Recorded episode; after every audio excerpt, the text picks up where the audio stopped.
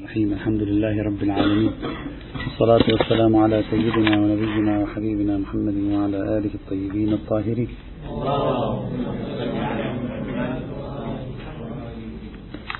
كان الكلام في التصور الذي طرحه كثير من الفقهاء والمفسرين في تناول مجموع النصوص القرآنية المتعلقة بالجهاد. بعد أن تحدثنا عن التصور الذي قدمه أمثال الشيخ المطهري وعلقنا عليه ذكرنا تصورا زمنيا تاريخيا بجعل نصوص الجهاد في أو النصوص المتعلقة بالعلاقة مع الكافرين في القرآن الكريم على أربع مراحل. قلنا المرحلة الأولى مرحلة اللا حرب والدعوة السلمية والجدال بالتي هي أحسن والموعظة الحسنة. بعد وهذه هي المرحلة المكية. ثم المرحلة الثانية هي عبارة عن مرحلة الإذن بالجهاد دون الحكم بوجوب الجهاد. ثم المرحلة الثالثة مرحلة الحكم بوجوب الجهاد الدفاعي. ثم المرحلة الرابعة قالوا هي مرحلة الحكم بوقف المصالحة والمعاهدة والمسالمة والموادعة والمهادنة مع غير المسلمين وإعلان الجهاد الابتدائي حكما شرعيا أصليا في الإسلام. وبالتالي المجموعة الرابعة تنسخ المجموعة الأولى. وهذا النسخ لماذا؟ لأننا ننظر للنصوص بعيون زمنية كما شرحنا بالأمس. لا ننظر إليها على أنها في سقف واحد ومستوى واحد منضمة إلى بعضها بل ننظر إليها بواسطة الترتيب الزمني الذي نتكلم عنه. في هذا السياق أيضا صار واضح تعليقات أشير إليها سريعا حتى ننتقل إلى الأدلة الحديثية وبإمكان الإخوة المراجعة في المتن. أولا نحن رأينا أن الآيات المتصلة الآيات المجموعة الأولى والثانية والثالثة والرابعة بحسب تقسيمهم ليس بينها تهافت أصلا حسب ما توصلنا إليه. لم نجد تهافتا. قابلة للجمع بلا حاجة للوصول إلى مرحلة النسخ. وذلك عندما شرحنا كيف أن المجموعات يقيد بعضها بعضا. فإذا استطعنا أن نفهم مجموع النصوص القرآنية وفق نظام الإطلاق والتقييد وفق نظام التخصيص والعموم لسنا بحاجة إلى أن ننتقل إلى مرحلة النسخ حينئذ. حتى لو قرأنا النصوص قراءة تاريخية لسنا بحاجة للانتقال إلى مرحلة النسخ. مرحلة النسخ إنما نتصورها حيث لا يمكن الجمع والتوفيق بين المجموعات القرآنية. أما إذا أمكننا الجمع والتوفيق بين المجموعات القرآنية لا حاجة إلى التوصل إلى افتراض نظرية النسخ في المقام. فالخلاف بيننا وبين هذا المشهور خاصة عند أهل السنة الذين استخدموا التحقيب الزمني التحقيب الزمني خذوا قطع زمنية الخلاف بيننا وبينهم في أننا لا نلمس نسخا أصلا حتى نعتمد الزمان أساسا في فهم الآيات القرآنية وإنما نلمس إطلاقا وتقييدا. وإذا كنا نلمس إطلاقا وتقييدا لا تصل النوبة إلى مرحلة الحديث عن النسخ الشامل تكلم عن النسخ الشامل الكلي في هذا الإطار وفي هذا السياق. هذا أولا ثانيا ما يؤكد ما نقول دائما ما قلناه بالأمس أيضا وأشرنا إليه بالأمس. دائما عندما تكون النصوص مؤكدة في عشرات المرات ومئات المرات مؤكدة على أنكم تقاتلونهم لأنهم يقاتلونكم تقاتلونهم من حيث إنهم يقاتلونكم تجاهدونهم لأنهم بدأوكم بذلك وأخرجوكم ولأنهم يريدون إفناءكم عن ذكرة أبيكم. عندما يكون كل هذا الفضاء النصي موجودا خلال السنوات عديدة من زمن الهجرة النبوية الشريفة. ثم تأتي بعد ذلك نصوص مطلقة.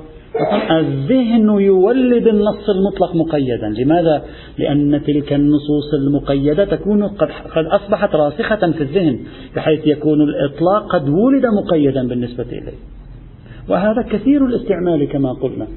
إذا أنا قلت لك في مئة ومئتين وخمسمائة مرة عليك أن تقطع علاقتك بزيد لأنه يكيد لك. ففي المرة رقم 501 إذا قلت لك اقطع علاقتك بزيد لن تفهم الإطلاق. بل ستجعل مجموع النصوص الخمسمائة السابقة مولدة للإطلاق مقيدا ضيق فمركيا ولد مضيقا أصلا. لماذا؟ لأن النصوص السابقة من شدة حضورها في ذهنك جعلتك تتلقى هذا المطلق لا على أنه ناسخ بل جعلتك تتلقاه على أنه مولود مقيدا. لا حاجة إلى ذكر القيد فيه لوضوحه وارتكازه وبداهته في ذهن المتلقي. وكما درسنا في الأصول لا يحتاج المتكلم عندما يتكلم مع شخص آخر أن يشرح له جميع القيود. بل هذا شيء لا يقع على وجه الكرة الأرضية أصلا. كثير من قيود الكلام الذي نقوله موجودة في ذهنك وأنا أضعها أضع الكلمات في ذهنك وأنت تقوم بتوزيع الكلمات طبقا للقيود المركوزة بيني وبينك. إما قيود عامة اجتماعية أو قيود متلقات نتيجة محاورة خاصة بيني وبينك من قبل فأنت تتلقى كلامي اللاحق في ضمن سياق كلامي السابق. وتفهمه بشكل منسجم. عادة إلا إذا أنا أتيتك بنص واضح صريح لا بإطلاق بنص واضح صريح مباشر يلغي التقييد السابق. وإلا الإطلاق لوحده لا يستطيع أن يلغي القيد الذي صار مركوزا في ذهنك والذي عندما يأتي الإطلاق يتقولب على أساسه. يعني مثل ما يقول كانت أنت عندما تتلقى الأشياء في ذهنك هو ذهنك مركب أن يفرزها على طريقته الخاصة فيضعها في سياق الزمان والمكان مثلا. نفس الشيء. كثير من الأمور من القرائن الارتكازية اللبية موجودة في أذهاننا. فعندما أنا أتكلم معك أو أنت تتكلم معي كثير من الأمور أنت لا تقولها. لماذا؟ لأنك تكتفي بارتكازها في ذهني. ولست بحاجة لأن تشرحها. طيب إذا كان مفهوم الدفاعية مرتكزا خلال فترة ثمان سنوات من عمر الهجرة النبوية الشريفة منذ بداية تشريع الجهاد لم يعرفه المسلمون إلا دفاعيا. إلى في سورة التوبة ظهور الإطلاق في مثل هذا الفضاء لا يولد مطلقا. على الأقل نشك في كونه قد ولد مطلقا. والاحتمال الأكبر أنه ولد مقيدا في أذهانهم لمركوزية التقييد الذي نصت عليه آيات كثيرة من قبل. هذا واضح. هذا ثانيا. أضف إلى ذلك أن بعض الآيات القرآنية أصلا لا تحتمل النسخ. حتى تقول إن آيات سورة التوبة وأواخر ما نزل من القرآن في المرحلة الرابعة ينسخ تمام ما كان قبله. لا تحتمل النسخ. مثلا لاحظوا قوله تبارك وتعالى وقاتلوا في سبيل الله الذين يقاتلونكم ولا تعتدوا. طبعا هذا الكلام بناء على أن كلمة لا تعتدوا يعني لا, لا أنتم تعتدوا عليهم هم يقاتلونكم فقاتلوهم. ولا تعتدوا إن الله لا يحب المعتدين. إذ قد يقول لك شخص وهذا عدوان أفهل صار العدوان لاحقا جائز جائزا. يعني الآية تصرح بأن هذا ضرب من العدوان على الناس. فهل تريد الآيات الناسخة أن تقول إنه يجب عليكم أن تقاتلوا من يقاتلكم؟ بل يجوز لكم بل يجب عليكم أن تقاتلوا من لا يقاتلكم. يابا هذا عدوان. أنت قلت لنا هو عدوان. لا هذا عدوان واجب. غير معقول النسخ. إلا إذا قيل في رد هذه الإشكالية أن مفهوم العدوان مفهوم جعلي. يعني الشارع يجعل شيئا عدوانا والشارع يخلع عنه صفة العدوان. كان الشارع يعتبر هجومنا على الآخرين. من دون أن يسبقون بعدوان كان يعتبره عدوانا والآن غير اعتباره. وليس للعدوانية أي مفهوم واقعي حقيقي. إذا واحد قال ذلك لا يأتي هذا الإشكال الأخير حينئذ. خاصة إذا كان لا يبني على التحسين والتقبيح العقليين مثل الأشاعرة ومثل جمهور أهل السنة الذين قسموا النصوص القرآنية إلى هذه المراحل الأربعة. إذا فالخلاف بين ما طرحناه سابقا وبين هذا التحقيب الزمني للنصوص القرآنية وخلاف مبنائي. هم اعتبروه نسخا. نحن قلنا لا تصل النوبة إلى مرحلة النسخ. يمكن إجراء مصالحة بين الآيات بحيث يؤخذ الإطلاق الذي في بعضها ضمن التقييد الذي في بعضها الآخر. والآيات الأولى التي استدل بها على الجهاد الابتدائي قلنا سابقا أنها ليست بدالة.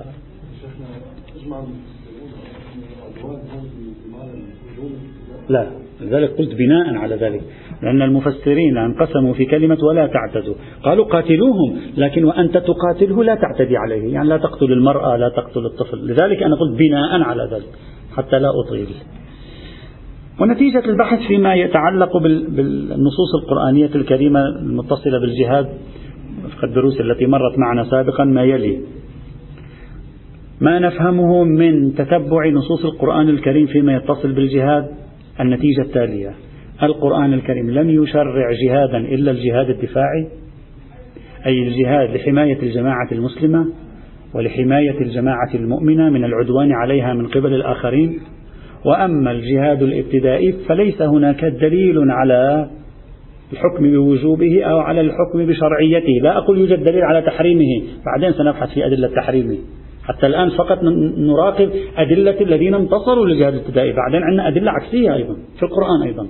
أدلة معاكسة ستأتي فيما بعد. لكن إذا بقينا نحن والأدلة هذه لم نفهم منها شيئا مقنعا نستفيد منه مشروعية الجهاد الابتدائي وأقوى آية بقيت في هذا المقام نتركها للأخير هي آية الجزية. كما قلنا سابقا سنتركها حاليا للأخير وفيما بعد سوف ننظر في مآل هذه الآية إن شاء الله تعالى. ولا بأس بأن نختم هنا اليوم خاتمة.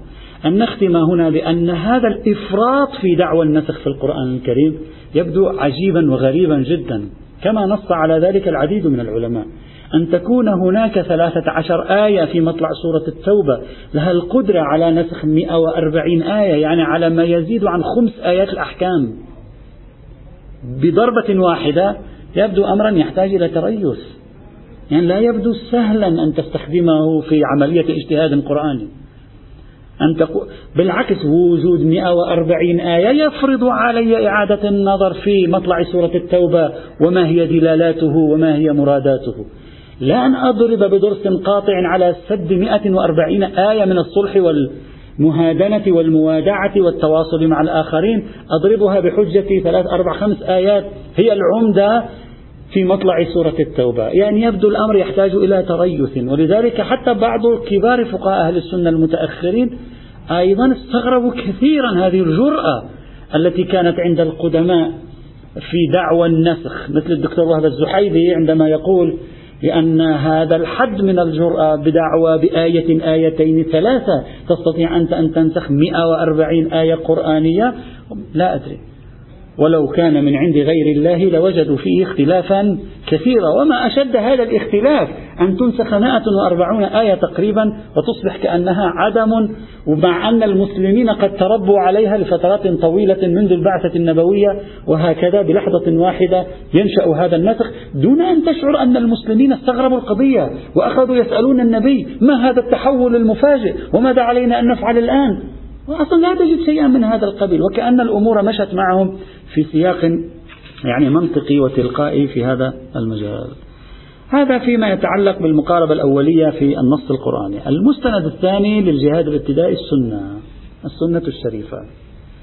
توجد مجموعات من الآيات استدل من الروايات استدل بها على الجهاد الابتدائي عمدتها مجموعتين. مجموعة تدل مباشرة على الجهاد الابتدائي ومجموعة تدل بالإطلاق.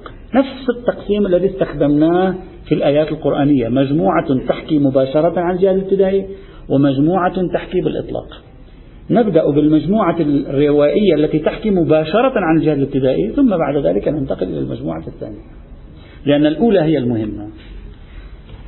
أول حديث وأهم حديث على الإطلاق عند المسلمين عند السنة خصوصا في تأسيس الجهاد الابتدائي هو ما رواه جماعة من الصحابة عن الرسول صلى الله عليه وعلى آله وسلم أنه قال أمرت أن أقاتل الناس حتى يشهدوا أن لا إله إلا الله وأن محمد رسول الله ويقيموا الصلاة ويؤتوا الزكاة فإذا فعلوا ذلك عصموا مني دماءهم وأموالهم إلا بحق الإسلام وحسابهم على الله.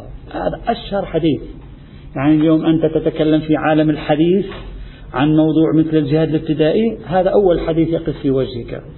توجد صيغة أخرى لهذا الحديث في كتب الحديث هكذا.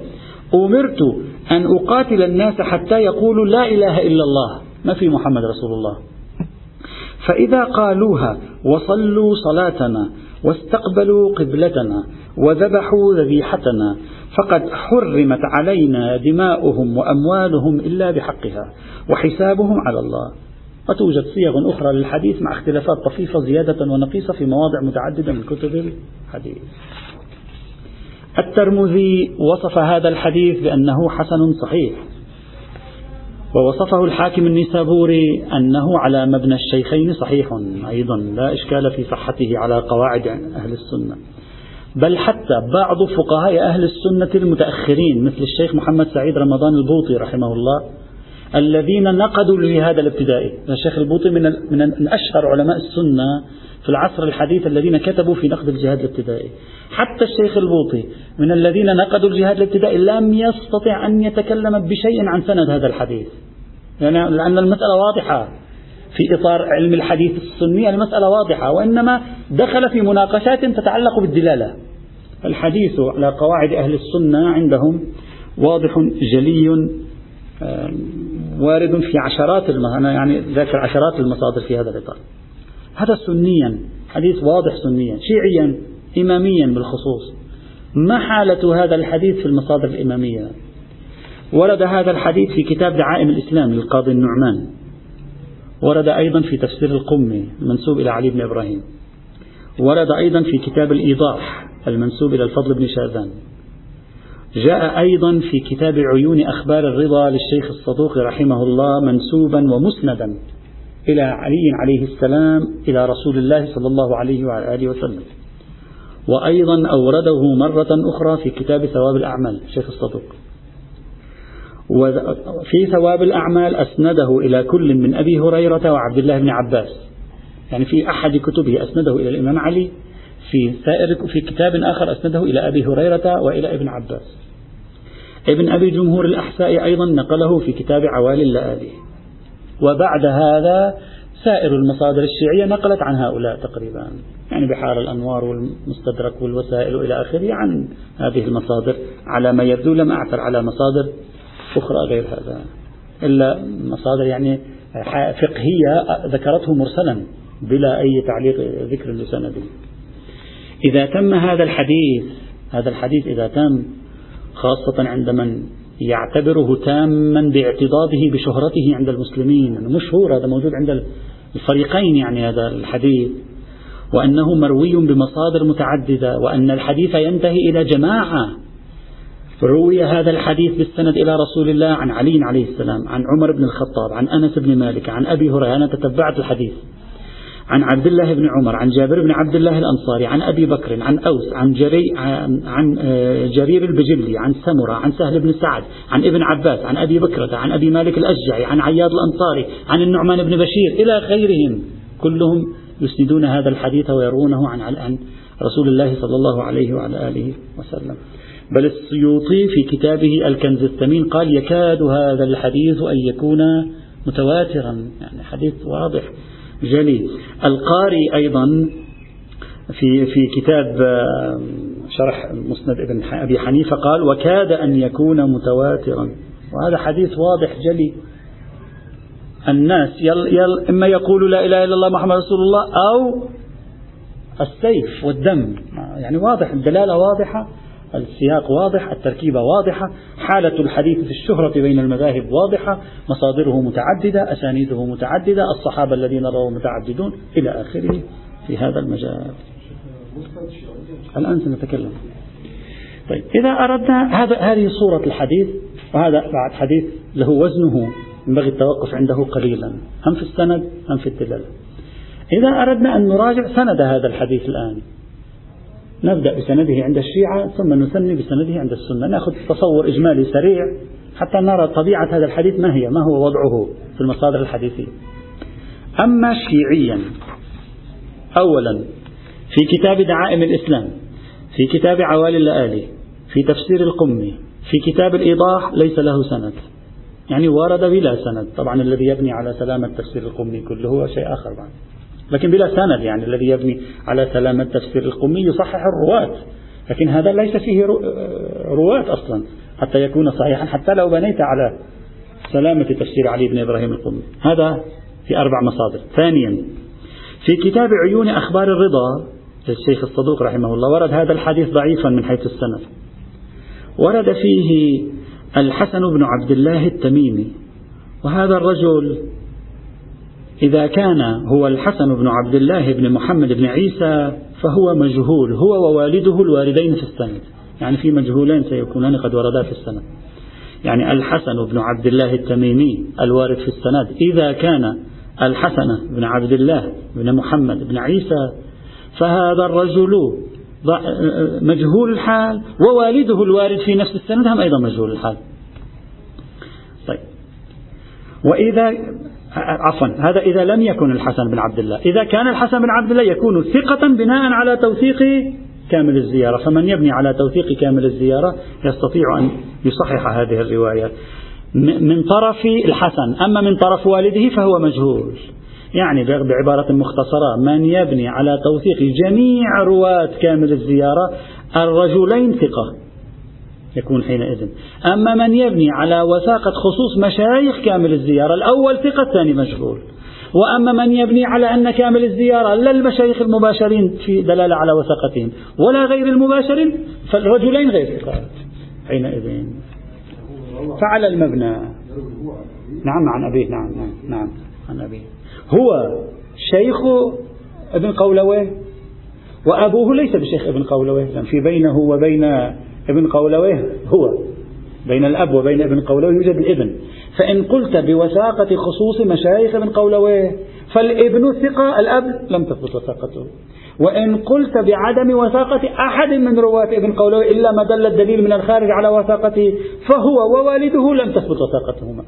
وإن قلت بوثاقة كل رواة ابن قولويه في كتاب كامل الزيارة فهو ووالده يكون ثقة حينئذ ولا معارض لتوثيق وتكون الرواية معتبرة الإسناد. هذا ثانيا. ثالثا ونحن في درس الرجال بحثنا بالتفصيل بحث ابن قولي وقلنا لم يثبت لا وثاقة مشايخ المباشرين ولا غير المباشرين. ثالثا في كتاب ثواب الأعمال للشيخ الصدوق أيضا ورد هذا السند ضعيفا إذ ورد في السند حماد بن عمرو الصيني. ما عندنا إخوة صينيين في الروايات نحن جايين من الصين مشتغلين في الرواية. هذا تصحيف ما يعني لم لم نحظى بإخوة من الصين في تلك الفترة كانوا يرون روايات فهذا حتما مصحف هذا التعبير. حماد بن عمرو الصيني ما عندنا حماد بن عمرو الصيني. هذا حماد بن عمرو النصيبي نسبة إلى نصيبين. ما ما عندنا في كتب الحديث والرجال أصلا هذه السمة سمة الصيني عن راوي من لا عند الشيعة ولا عند السنة. وبمراجعة كل من أطلق عليه حماد بن عمرو النصيبي كلهم مجاهيل. لم يرد توثيق لهم إطلاقا في هذا المجال. فإذا الرواية تكون لا أقل من هذه الجهات غير ثابتة الوثاقة كلهم نعم. السند الأول أيضا مبنائي. السند الأول أيضا مبنائي. والحديث لم ملي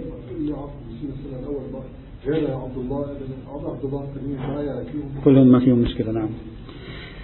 طبعا هذا الحديث شيعيا لم يرد في المصادر الحديثية الأبرز يعني الكتب الأربعة وأمثالها لم يرد هذا الحديث أبدا. لم يتحول إلى مشهور روائي لم يتكرر في الكتب أصلا الحديثية أو أنه له عدة طرق وأسانيد. لا لا لا أبدا. حالته شيعيا أضعف بكثير من حالته سنيا. فمثل مبنى السيد الخوئي المتأخر هذا الحديث أصلا في الكتب الشيعية غير ثابت لأن مبنى السيد الخوئي المتأخر عدم ثبوت وثاقة غير مشايخ ابن قولوي فلا يكون هناك سند لهذا الحديث إطلاقا. يمكن الاعتماد عليه في المصادر الشيعية برمتها. أصلا وليس مشهورا حديثيا حتى نقول تتعاضد أسانيده فيحصل الوثوق بصدوره الشيعية. نتكلم مثلا لا يوجد شيء من هذا القبيل. هذا في المصادر الشيعية. أما المصادر السنية الحق والإنصاف هذا الحديث كم تريد من المصادر؟ موجود عند أهل السنة. مصادره الحديثية كثيرة من الدرجة الأولى الثانية الثالثة الرابعة الخامسة إلى ما شاء الله. طبعا بعض أسانيده لا شك ولا ريب قابلة للمناقشة. لا شك حتى على أصول الاجتهاد السني وعلم الرجال السني. لا أريد أن أدخل في التفصيل الآن. إلا أن الحديث ببعض أسانيده الأخرى بتعاضد طرقه لا ينبغي التشكيك في صحته سنديا على قواعد أهل السنة على قواعدهم مثلا لا ينبغي. ولذلك قلت البوطي لم يقترب من هذا الموضوع. لم يتجرأ لأنه يعرف أن القضية محسومة الرواة كلهم ورد التوثيقات فيهم لا يوجد نقاش في أمر سند هذا الحديث عند أهل السنة تعدد طرقه. ومن هنا لم أفهم بدا لي غريبا جدا ما ادعاه السيد محسن فضل الله رحمة الله تعالى عليه عندما قال هذا الحديث ضعيف ولم يذكره أحمد بن حنبل في مسنده رغم أنه نقل الصحيح والضعيف. هذه العبارة لم أفهمها. قال هذا الحديث ضعيف ولم ينقله أحمد بن حنبل في في في مسنده رغم أن ابن حنبل ينقل الصحيح والضعيف مما أوحى وكأن هذا الحديث موجود في مصادر أصلا خارج إطار مثل أحمد بن حنبل. تعرفون مسند أحمد بن حنبل ليس من الكتب الأولى في علم الحديث عند السنة من الدرجة الثانية والثالثة الثانية على الأقل خلينا نقول في كتب الحديث السنية. يقول أصلا لم يورده أمثال أحمد بن حنبل. وكأنه يوحي بأن هذا الحديث مثلا أورده أشخاص من الدرجة الثالثة أو الرابعة مثل الطبراني مثلا. طبراني أغلب رواياته فيها مناقشات سندية مثلا. في هذا المجال. هذا الكلام منه رحمه الله من السيد فضل الله رحمه الله بدا لي غريبا إما لم يراجع أو اعتمد على أحد ما يبدو غريبا أصلا أحمد بن حنبل بنفسه روى هذا الحديث مرارا وتكرارا. محمد بن حنبل روى رواه عن جابر رواه عن عمر بن الخطاب رواه عن أبي هريرة. وأن هذا وقوله هذا الحديث لم يعني ترويه المصادر مثلا السنية لا ليس صحيحا أبدا. هذا الحديث موجود. في تقدير السيد فضل الله سبب الخطأ أنه اعتمد على البوطي. البوطي قال هذه الصيغة من حديث أمرت أن أقاتل الناس لم ترد عند الشيخين ولم يوردها أحمد بن حنبل أيضا. كان البوطي هناك يناقش إحدى صيغ هذا الحديث ويقول هذه الصيغة لم ترد في مصادر الحديث الأولى. فربما حصل توهم أن البوطي يريد أن يقول هذه هذا الحديث لم يرد في كتب أهل السنة. لا أبدا هذا الحديث وارد في جميع المصادر الحديثية السنية تقريبا. أي أي كتاب تريد أن أقول لك؟ في مسند بن حنبل في سنن الدارمي في سنن النسائي في مستدرك النيسابوري في صحيح البخاري في صحيح مسلم في سنن ابن ماجه في سنن أبي داود في سنن الترمذي في سنن النسائي في سنن البيهقي.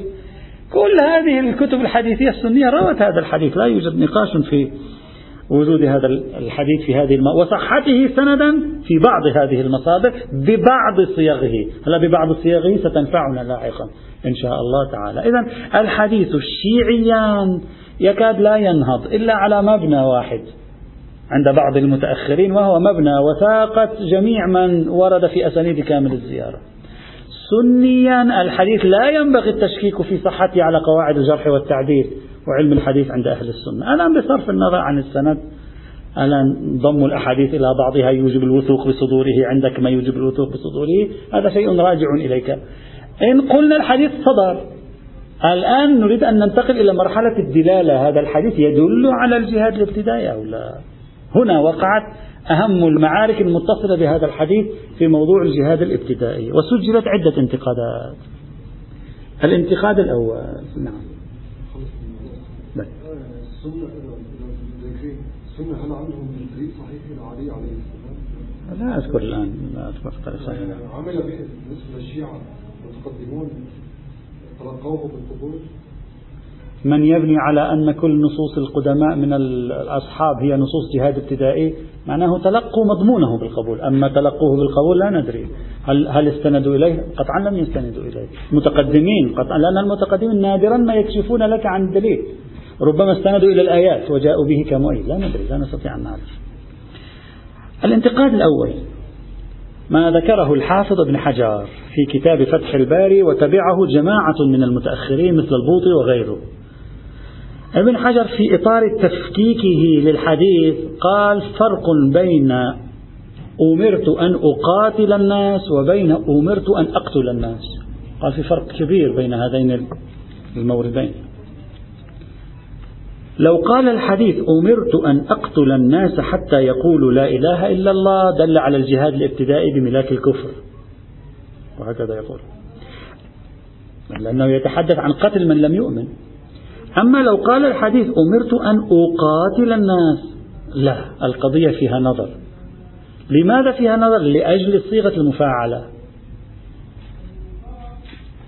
وين صيغة المفاعلة؟ أقاتل على وزن مقاتلة. والمقاتلة مفاعلة والمفاعلة تحتاج طرفين. فأنت لا يصدق عليك أنك قاتلت زيد إذا لم يكن زيد يقاتلك. نفس أن تقول أنا أقاتل زيدا معناه أن زيد عم يقاتلني. بمجرد فرض أنني ذاهب إلى مقاتلة زيد يعني زيد يقاتلني مسبقا. وإلا لا يصدق أنني أقاتل زيد. زيد يقاتلني حينئذ. على الجهاد الابتدائي زيد يقاتلني لأنني ابتدأته بالقتال فهو يقاتلني فضم قتاله إلى قتالي يجعل مفهوم أو صيغة المفاعلة متحققة. أما إذا كان زيد لا يقاتلني وأنا ذهبت إلى أن أدخل إلى ديار زيد هذا لا يقال أنا أقاتل زيدا أنا أقول أغزو زيدا أقتل زيدا أهجم على زيد ما شئت فعبد أما أقاتل لا يأتي هذا التعبير. إذا صحت هذه المقاربة قضي على الحديث انتهى أمره يعني. يعني الحديث بعد ليس له قائمة لأنه يدل على أن من يعتدي علينا لا نوقف الحرب ضده إلا أن يسلم. نعم هذا يدل على ذلك. أما من لا يعتدي علينا لا, لا, لا, لا يدل الحديث حينئذ على شيء. هكذا قال ابن حجر.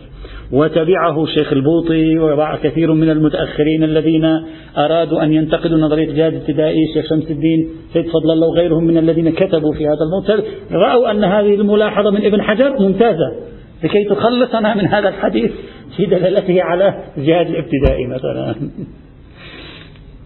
طيب. هل 1952 852 طيب لا بأس إذا إذا إذا تم ذلك انتهى الموضوع، طيب في هذا تفسير لصيغة المفاعلة، هذا تفسير لصيغة المفاعلة أنها تحتاج إلى طرفين، سيد الخوئي ويبدو أنه يتابع في ذلك السيد محسن الحكيم رحمة الله عليهما. تحدثا عن صيغة المفاعلة بطريقة أخرى. مثلا بشكل بعكس تماما ابن حجر. طبعا ليس في بحث الجهاد الابتدائي في بحث آخر. ماذا قال؟ قال تستخدم صيغة المفاعلة عندما تحاول أنت أن تحقق الشيء. تحقق الشيء أو لم يتحقق. المفاعلة صيغة محاولة. تحاول أن مثلا أنت إذا قتلت زيدا نقول قتلت زيدا. إذا تحاول قتل زيد نقول قاتلت زيدا. هلا سواء تحقق القتل فيما بعد أو ما تحقق القتل فيما بعد. تماما بعكس ابن حجر. ابن حجر افترض أن في طرف آخر يقاتل وأنت الآن تقاتل. وميز بينه وبين القتل. بينما الآن سيد الخوئي تبعا للسيد الحكيم خرج من هذه الدائرة تماما جعل صيغة المفاعلة محاولة للشيء هلا تحقق ناتج المحاولة. أم لم يتحقق ناتج المحاولة بهذا الإطار؟ ومن هنا تكون يكون الفرق بين يكون هنا مفهوم المكاتبة. المكاتبة يعني أنت تكتب لأجل أن تصل إليه. الآن عندما تكتب أنت تقول عندي مكاتبة أرسلتها إلى زيد. ربما يتلقاها زيد. ربما لا يتلقاها زيد. ربما يموت الرسول في الطريق. ربما لا يموت الرسول في الطريق. ما يهم؟ الطرف الثاني لم يعد مهما الآن. إرادة الطرف الثاني مهمة. إرادتي للطرف الثاني مهمة. إرادتي لتحقيق مادة الفعل هو المهمة. أما نفس, نفس الطرف الثاني ليس مهم أن يكون قد كتب لي شيئا. أنا يسمى كاتبت زيدا حتى لو لم يكتب لي زيد شيء. هذه صيغة مفاعلة.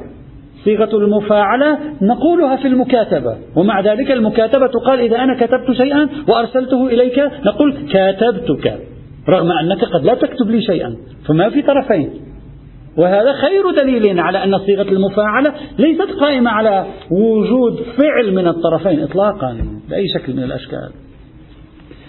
طيب. المحقق الأصفهاني أيضا كان له آه، يد في موضوع البحث. طبعا كلها في أبحاث ثانية نحن جئنا بها إلى هنا ولا هم لا يبحثون في باب الجهاد هذه القضية يعني لم يبحثوها في مواضع أخرى. محقق الإصفهاني قال الفرق بين صيغة المفاعلة وغير صيغة المفاعلة إنما هي في التعدية. يعني قريب من فكرة السيد الخوي السيد الحكيم. تعدية. كتبت رسالة. ما في تعدية لطرف ثاني في رسالة فقط. كتبت الرسالة مثلا يعني أنت الرسالة في طرف آخر مأخوذ بعين الاعتبار. لكن ليس الطرف الآخر مأخوذ على أنه كتب لي رسالة. الطرف الآخر مأخوذ على أنني أريد لرسالتي أن تصل إليه. فجوهر مفهوم المفاعلة في اللغة العربية هو عبارة عن القيام بفعل. هذا الفعل بعد أن كان لازما صار متعديا لطرف آخر. فتحدث المفاعلة في مثل هذه الحال على كلامه. نعم نعم ملحوظ لي هنا في هذا السياق. طيب هذا حاصل ما طرحوه في قضية المفاعلة في موضوع أقاتل إذا صار عندنا تصور ابن حجر الذي على أساسه يذهب الحديث تقريبا. وعندنا تصور السيد الخوي السيد الحكيم وعندنا تصور السيد الحق الإصفهاني وراح نشوف. ربما يرجعان إلى شيء واحد. ثلاث تصورات تقريبا. سنرى هل صيغة المفاعلة تصلح على مبنى ابن حجر؟ وبالتالي مشكلة الاستدلال بهذه بهذا الحديث بل مشكلة الاستدلال بكل آية أو رواية ورد فيها كلمة قاتلوا. ينتهي باب الاستدلال منها تماما في باب الجهاد الابتدائي. أو لا يأتي إن شاء الله بعض التعليقات سيأتي إن شاء الله نعم.